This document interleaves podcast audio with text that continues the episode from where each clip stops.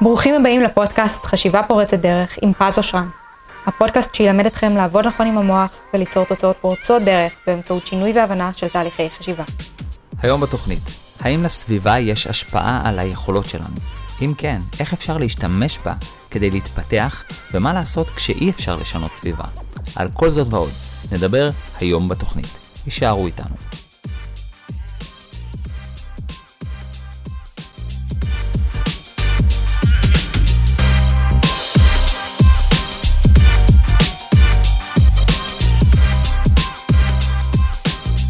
היי היי, חברים, מה שלומכם? ברוכים הבאים לפודקאסט חשיבה פורצת דרך, פרק מספר 58. וואו, איזה טירוף.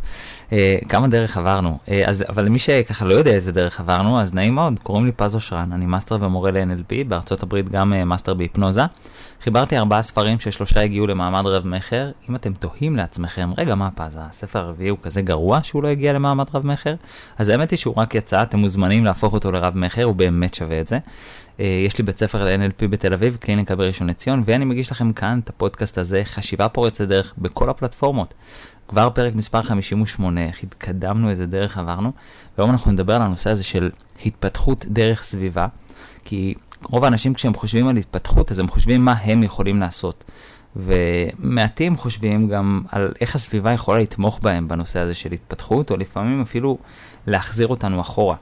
Uh, כמובן שהאחריות על נושא ההתפתחות היא לא על הסביבה, זאת אומרת, המטרה היא לא להכניס אותנו למקום קורבני ולהגיד, תראה פז, אני לא מתפתח רק בגלל uh, החברים האלה ובגלל המשפחה ובגלל פה ובגלל שם. לא, זו לא המטרה. מה כן המטרה? המטרה בסופו של דבר היא שנאיץ את ההתפתחות שלנו, או נתמוך יותר נכון בהתפתחות שלנו, דרך סביבה, דרך שינוי, או אפילו אם זה מאיים על אנשים, שינוי סביבה, שינוי חברים, אז אפילו הוספה. זאת אומרת, מספיק שאני לא משנה את המעגל חברים, אבל מוסיף לי עוד כמה חברים, זה כבר נותן איזשהו בוסט שיכול מאוד מאוד לתרום. אה, בואו נגדיר קודם כל, מה זה בכלל סביבה? האם סביבה זה, זה המקום שבו אני גר? האם סביבה זה... מה, מה זה סביבה? אז האמת היא שסביבה זה בעצם אותם אנשים שאיתם אנחנו מדברים. Uh, זאת אומרת, בסופו של דבר, אם לצורך העניין uh, יש לי שכנים מסוימים, אבל אני לא מדבר איתם, לא רואה אותם, אז מבחינתי הם לא נחשבים כסביבה. סביבה זה בסוף האנשים שאיתם אנחנו מדברים, ובסופו של דבר, אפילו אני, ברמה שאני רואה אותם, רואה את התפקוד שלהם, אפילו על בסיס, בסיס יומיומי. למה זה חשוב? כי הם בסופו של דבר הדוגמה האישית שאנחנו מקבלים. ואחד הניסויים המאוד מפורסמים זה שלקחו אנשים עם פחד גבהים, ופשוט נתנו להם להסתובב, שמו אותם בחברת אנשים שהם חובבי אקסטרים, זאת אומרת, די ההפך הגמור מהם. והדבר המעניין ביותר שקרה זה שאותם אנשים עם פחד גבהים, אחרי בערך חצי שנה, אם אני זוכר נכון, נעלם להם הפחד גבהים. עכשיו, שתבינו שלא אמרו להם, אה, אה, תדברו איתם על הפחד גבהים, ת... כלום, פשוט חיברו בין שתי קבוצות, חוב... קבוצה של אה, אנשי פחד גבהים נקרא להם, וקבוצה של חובבי אקסטרים, ורק מעצם החיבור, אותם אנשים שסבלו מפחד גבהים פשוט ספגו את ה mindset, ספגו את האדרנלין שלהם, איך הם מדברים על גובה ועל האדרנלין ומה זה עושה. וכששומעים אנשים מדברים ככה, משהו בזה מאוד מאוד נספג. אה, משהו בזה מאוד, אה, אנחנו לומדים אותו בסופו של דבר. תחשבו על זה שככה גם למדנו לדבר, איך למדנו לדבר? דרך דוגמה אישית. לצורך העניין, אה, נולדנו לעולם ושמענו את אימא ואבא מדברים, או אנשים סביבנו מדברים, ומזה הבנו איך לדבר. זאת אומרת, הפעם הראשונה שנפגשנו עם שפה, לצורך העניין השפה העברית, זה לא כשהיינו באיזה שיעור בית ספר ואמרו לנו, לוקחים קודם כל שם עצם ואז פועל, ואז, אלא למדנו לדבר ואחר כך בעצם הסבירו לנו למה מה שאנחנו, או איך שאנחנו מדברים הוא בעצם נכון. אבל האופן הראשוני שבו למדנו זה קודם כל דוגמה אישית, והאופן הזה זה באמת האופן שבו המוח לומד. זאת אומרת, המוח רואה אנשים, ומזה הוא מקבל דוגמה, אה, אתה יכול לפעול ככה ויכול לפעול ככה. ובאיזשהו מקום, כשאנחנו מעצבים נכון את הסביבה שלנו, אנחנו גם מעצבים נכון את הדוגמה, את הדוגמה האישית שהמוח שלנו מקבל. והדבר הזה הוא ממש משפיע על מה שאנחנו סופגים, על, על ה mindset שאנחנו סופגים. תחשבו על זה רגע, כמה הדבר הזה קריטי. אם אני שם אתכם בחברה של אנשים, לצורך העניין, ממורמרים, בסדר? שהם כל היום מתמרמרים ובוכים ומתלוננים. אז סביר להניח שאולי זה, זה לא, לא ישפיע עליכם, במיוחד אם אתם אנשים אופטימיים. והשאלה היא, אה, כמה זה ישפיע, או כמה זה לא ישפיע, ואחרי כמה זמן. זאת אומרת, יש אנשים שאומרים, תקשיב, זה לא ישפיע עליי במילימטר, גם אחרי עשר שנים, ויש אנשים שזה ישפיע עליהם הרבה. האדם הממוצע בתכלס, זה ישפיע עליו במידה מסוימת, זה לא בהכרח יסיט אותו מכיוונו, ישפיע במידה מסוימת כלשהי, ואחרי פרק זמן, בוא נגיד של בסביבות השלושה חודשים. אז אה, זה בוא, בוא נגיד אם אני לוקח את האדם הממוצע. עכשיו, סביר להניח שיש כאלה אולי שיודעים לספוג קצת יותר, יודעים לספוג קצת פחות. מה, מה הקטע הקריטי? לפעמים זה באמת, אנחנו יכולים להגיד, אני אאטום את עצמי לדבר הזה, אבל יש פה איזה מאמץ, יש פה איזושהי הקרבה. והשאלה שצריכה להישאל היא, רגע, אם הדבר הזה הוא משפיע עליי לשלילה, למה לא נשתמש בו לחיוב? זאת אומרת, אם אני כאילו צריך לשמור על עצמי כדי לא לספוג מרמור מאנשים שמתלוננים ובוכים כל היום, אז, אז יש לי פה עבודה, זאת אומרת שהאופן הטבעי שהמוח לומד הוא באמת דוגמה אישית, הוא האנשים שאני נמצא סביבם. אז למה לא כבר להקיף את עצמי באנשים שעושים לי טוב, ואז לא רק שזה חוסך לי את עבודת השמירה, אלא זה אפילו גורם לי ללמוד דוגמה אישית חיובית. זאת אומרת, בסופו של דבר, אם אני מקיף את עצמי באנשים שהם הדוגמה האישית שלי, שהם מה שאני רוצה להיות, האדם שאני רוצה להיות, זה מה שהמוח לומד. סתם דוגמה. פה נניח אתם רוצים להיות אנשים חברותיים. ונניח, סתם זורק דוגמה, אתם ביישנים ומפוחדים, ולדבר עם אנשים זה דבר זר לכם. תחשבו רגע, מה יקרה לכם אם אני שם אתכם למשך שלושה חודשים, על בסיס יומיומי, בחברת אנשים חברותיים? אז יכול להיות שבהתחלה אתם תיבלעו והם יתפסו קצת אולי פיקוד ושליטה, אבל באיזשהו שלב אתם כבר תתפסו את זה, המוח לומד מאוד מהר, הוא, הוא לומד מדוגמה אישית. אתם רואים איך פועלים אנשים חברותיים, אנשים שמתחברים מהר לאנשים. וכשקולטים את זה, אז זה מחלחל, ופתאום בפעם הבאה שתרצו להשתמש באיזה יכולת כזאת, המוח פשוט ייזכר במה שראיתם, ויוכל להעלות את זה. ולא סתם אומרים שאנחנו בעצם, זה ממוצע של חמשת האנשים הכי קרובים אלינו. אם תחשבו על זה רגע, מי הם חמשת האנשים הכי קרובים אליכם? תעשו איזה ממוצע כזה של נגיד רמת הכנסה, רמת עושר, רמת יכולות, לא משנה, ממוצע של כל דבר שהוא. תגלו שאתם בערך בממוצע. אה, כי באיזשהו מקום אנחנו עובדים די בדומה לטכנולוגיה מדהימה שנקראת בינה מלאכותית. מי שלא מכיר את הטכנולוגיה המטורפת הזאת שנקראת בינה מלאכותית, סתם אני אתן לכם דוגמה לפיתוח שלא זוכר מתי שמעתי אותו, שנגיד עושים uh, מצלמות לשים בגנים. אתם יודעים, בגני ילדים יש תמיד הסכנה הזאת שאולי הגננת מתעללת וכאלה. ואז יש מצלמות שהם לכשעצמם כבר יוכלו לזהות מתי יש התעללות ו... וגם לעדכן את ההורים וכאלה. ואיך בעצם עושים את הדבר הזה? על ידי בינה מלאכותית. מראים למצלמה או לבינה המלאכותית הרבה מאוד דוגמאות של התעללות, והרבה דוגמאות של חוסר התעללות, עד שהבינה המלאכותית מצליחה להבדיל. ואז היא יודעת, אה, ככה נראית התעל... התעללות, ככה לא נראית התעללות. זאת אומרת, נגיד פעם אחת מראים למצלמה איזה אימא שמכה ילד. אה, לוקחים ממש מאגר וידאוים כזה, ואומרים, הנה, ככה זה נראה, אה, זה התעללות. ואז לוקחים פעם אחת שאימא מלטפת ילד, ו- וככה עד שהבינה המלאכותית לומדת להבדיל. ותחשבו על זה, שהמוח שלנו, יש לו את האלמנט הזה של בינה מלאכותית, שהוא פתאום לומד, אה, ככה נראה אדם חברותי, ככה נראה אדם סגור, ככה נראה אדם כזה. זאת אומרת, הוא רואה הרבה דוגמאות, וככה הוא מרחיב את היכולות שלו, הוא מרחיב, זאת אומרת, את התפיסה של איך נראה אה, אדם חברותי, איך נראית תכונה מסוימת. ככה המוח בעצם לומד את זה, כדי שבפעם הבאה שנרצה להשתמש בזה, הוא ידע איך, איך זה נראה, את מה הוא רוצה להביא לידי ביטוי. והדבר הזה, כדאי שנשתמש בו, הרי יש בזה איזושהי בעייתיות שאנשים מקיפים את עצמם באותם אנשים. תחשבו על זה, הרבה אנשים, אותם חברים מה, אה, מהבית ספר היסודי או מהתיכון או מה, מהצבא, ואותם אנשים לפעמים אפילו מהילדות. ו, וזה אותם בני משפחה ו, ואותה סביבה. קיצור, לא ממש משתנה. וגם כשהולכים לאיזו סביבה חדשה, אז לרוב רק פוגשים שם אנשים חדשים, אבל חוזרים תמיד להיות בקשר עם אותם אנשים שלפעמים הם לא הדוגמה האישית שהיינו רוצים. וזה טבעי שלא כולנו קיבלנו דוגמה אישית מהבית או מהחבר'ה הבסיסיים, אבל כן כדאי לבחור מחדש את האנשים. זאת אומרת, תחשבו על זה כשהיינו ילדים אולי, אז, אז לא ממש בחרנו, בחרנו את ה, אולי את האנשים או את הסביבה או את החברים שהיו כנראה קרובים אלינו, אחים של, שהכרנו. לא היה לנו הרבה בחירה. אבל היום אנחנו בעמדה שיש לנו בחירה, ואם המוח לומד מדוגמה אישית, אז למה לא לתת לו אנשים שיהוו בפנינו דוגמה אישית? זאת אומרת, מבחינתי כשמישהו אומר לי, תשמע, אני רוצה X ולא מצליח לגשת לעניין, אחד הדברים הבסיסיים שאפשר לייעץ לבן אדם כזה, זה תשנה סביבה, כדי להתחיל לספוג mindset. בדיוק כמו שכשיש מישהו עם פחד גבהים שהוא נמצא בחברת חובבי אקסטרים, הוא סופג mindset, הוא שומע אותם איך הם מדברים על גובה ואיך הם מתלהבים מזה. אז אתם שומעים אנשים שהם כבר השיגו את אותו X שאתם לא השגתם, אתם שומעים את ה mindset, את איך הם מדברים על זה, את הרגש, את האמונות שלהם, מה שנקרא בשפה מקצועית, או פרדיגמות, של איך הם בעצם תופסים את הנושא הזה של X, או של מה שאתם רוצים להשיג, ועצם השינוי תפיסה הזה כבר מביא לשינוי של, אה, של התנהגויות, של, של פעולות, של האופן שבו אנחנו ניגשים לזה. מתי אגב זה לא יעיל, הנושא של לשנות סביבה, וחשוב לי גם להדגיש את הדבר הזה, זה לא יעיל כשאדם משווה את עצמו לאחרים. כי אז, במקום לקחת דוגמה אישית, הוא משווה את עצמו ואומר, אני פחות טוב. תחשבו רגע איך ילד או תינוק היה לומד לדבר, אם הוא היה משווה את עצמו, מה זה, אני כזה גרוע, וההורים שלי יודעים לדבר, אוף, אני כזה אפס.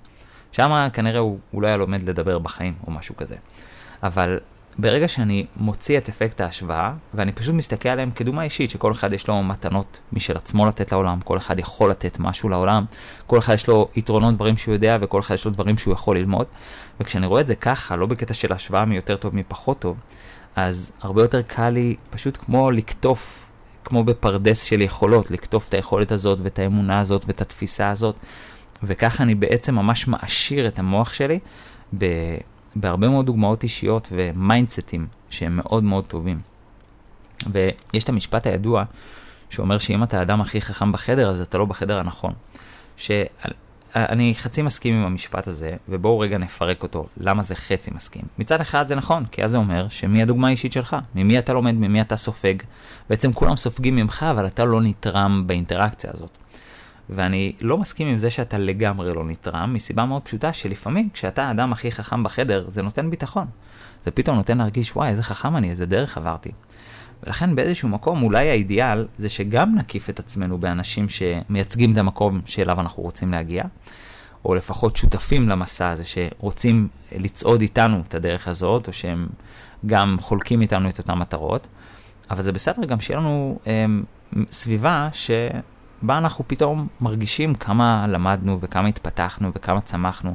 זה נותן ביטחון, זה נותן איזושהי uh, תחושה ש, שוואו, התקדמנו, שעשינו.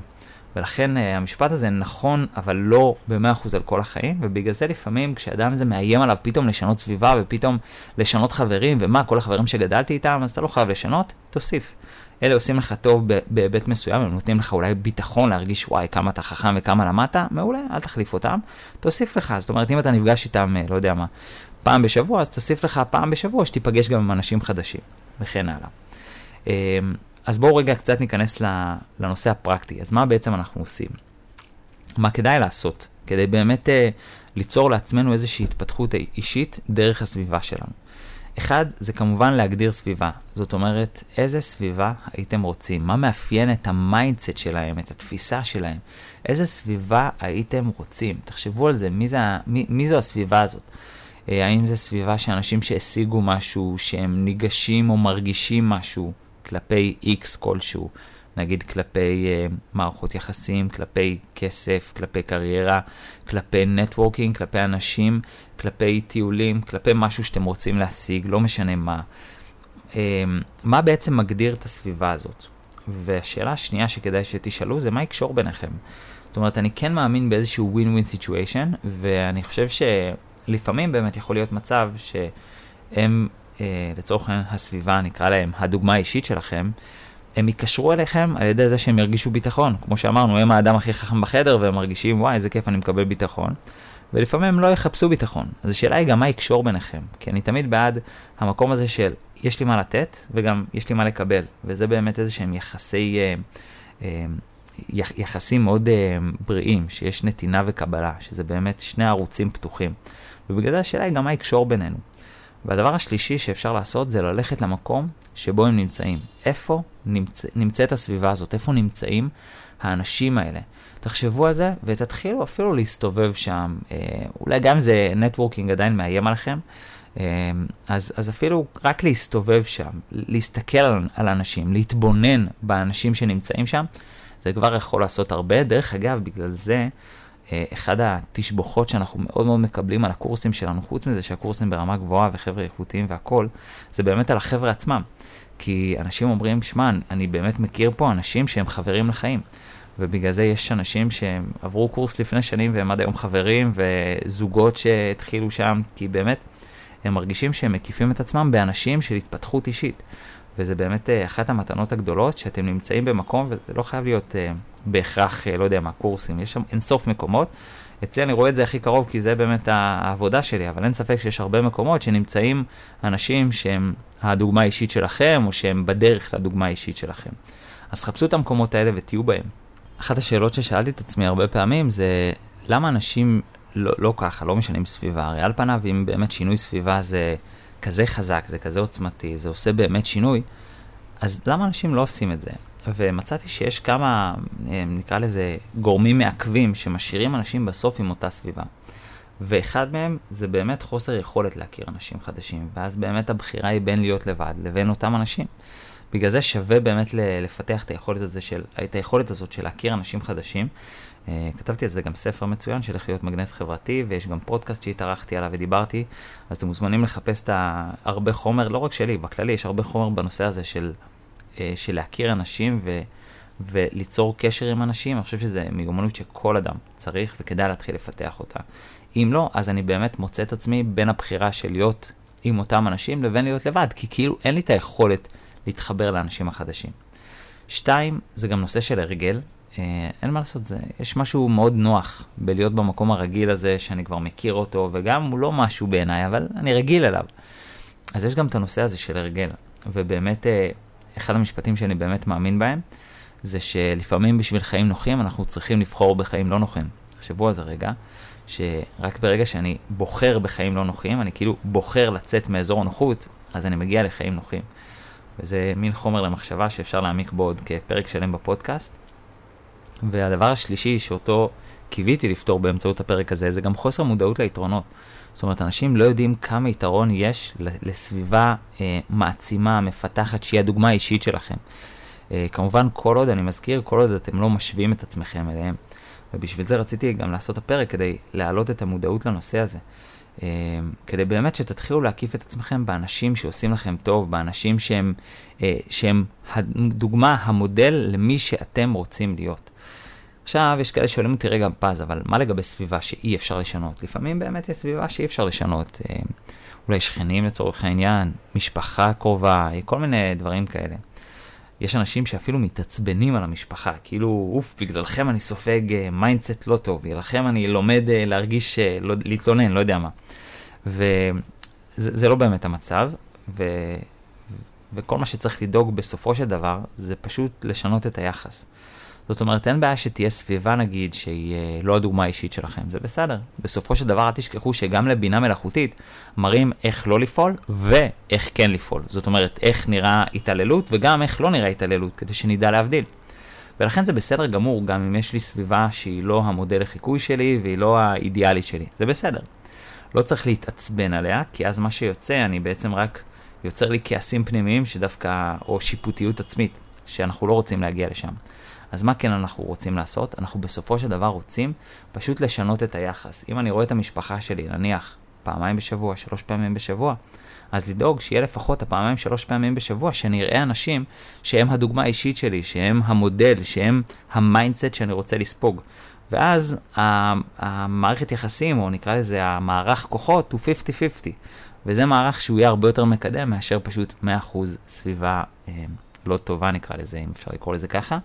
אני לא אוהב את המילה לא טובה, כי זה לא הופך אותם לרעים, הם עושים באמת את המקסימום שלהם, את הכי טוב שהם יודעים. פשוט הכי טוב שלהם זה אולי לא הכי טוב שאני שואף אליו. אז בגלל זה אני לא אוהב להגיד שזו סביבה לא טובה, אבל זה באמת לא, לא לספק סביבה שאולי לא הייתי רוצה שהיא תהיה המאה אחוז תזונה שלי, שממנה אני אספוג אה, את, את, את התפיסת עולם, שממנה אני אלמד בעצם את הדוגמה האישית.